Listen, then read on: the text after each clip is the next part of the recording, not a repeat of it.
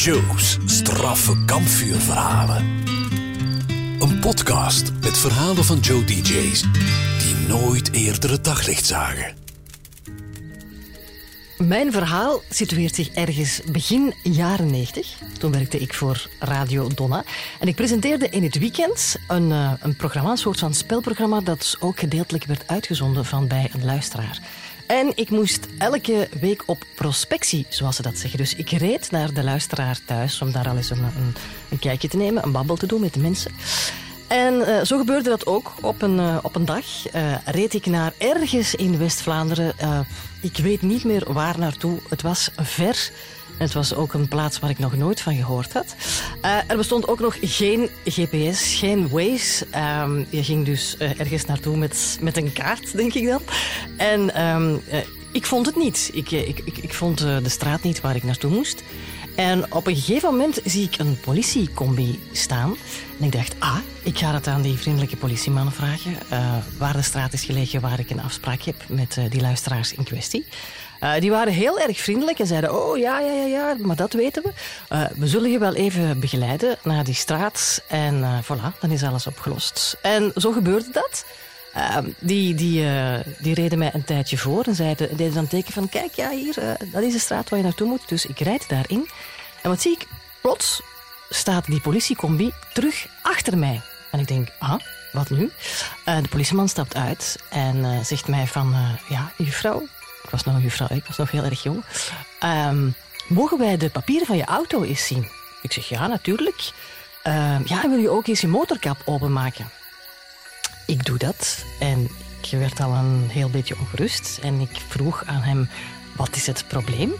Ja, en die man werd een beetje ongemakkelijk en zei: Ja, uh, je auto waarmee je rijdt staat opgegeven als gestolen. En ik dacht, nee, dat kan niet. Ik was heel fier op mijn auto. Het was een, uh, een cabrio die ik gekocht had in een, uh, in een garage, tweedehands, een jonge cabrio, twee jaar oud. Ik denk een jaar of anderhalf jaar uh, daarvoor. Ik zeg, maar dat kan niet, dat kan niet. Ik heb hem betaald en ik had gelukkig een, een, fotocopie van de factuur in mijn auto. Ik zeg, kijk, dit is de garage waar ik hem gekocht heb, dit is het factuur. Ik, dat, dat, kan toch helemaal niet? Ja, ja dat, dat, kan wel zijn wat je vertelt. Maar ik zou toch willen vragen om eventjes ons te volgen naar het uh, politiebureau. Uh, want ja, je zou daar toch een en ander moeten komen uitleggen. en zo gebeurde dat ook. Ik dus mee naar een politiekantoor. Een heel klein kantoortje, dat weet ik nog. Heel ouderwets ook, waar nog een, eh, een tijdmachine stond. En daar heb ik een uur of twee gezeten. Een serieuze verklaring moeten afleggen.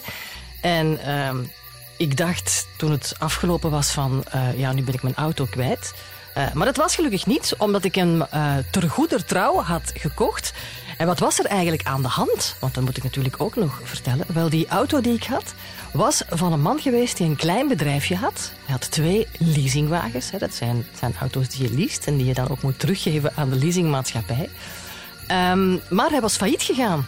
En wat had die man gedaan? Die had gewoon zijn twee auto's verkocht aan een garagist.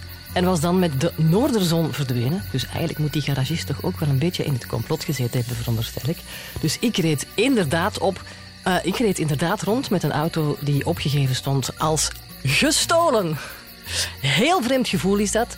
Uh, ik heb een auto mogen bijhouden, maar uh, ik had er zo'n slecht gevoel bij gekregen dat ik besloten heb om hem onmiddellijk te koop te zetten. Wat dan ook kon, gelukkig. Want als ik die politiecombi uh, niet was tegengekomen, dan had dat nog heel lang geduurd, denk ik, voor ik wist dat ik met een gestolen auto rondreed. Deze podcast is een samenwerking tussen Decathlon en Joe. Luister naar Joe op je radio, DAB+, de Joe-app en joe.be.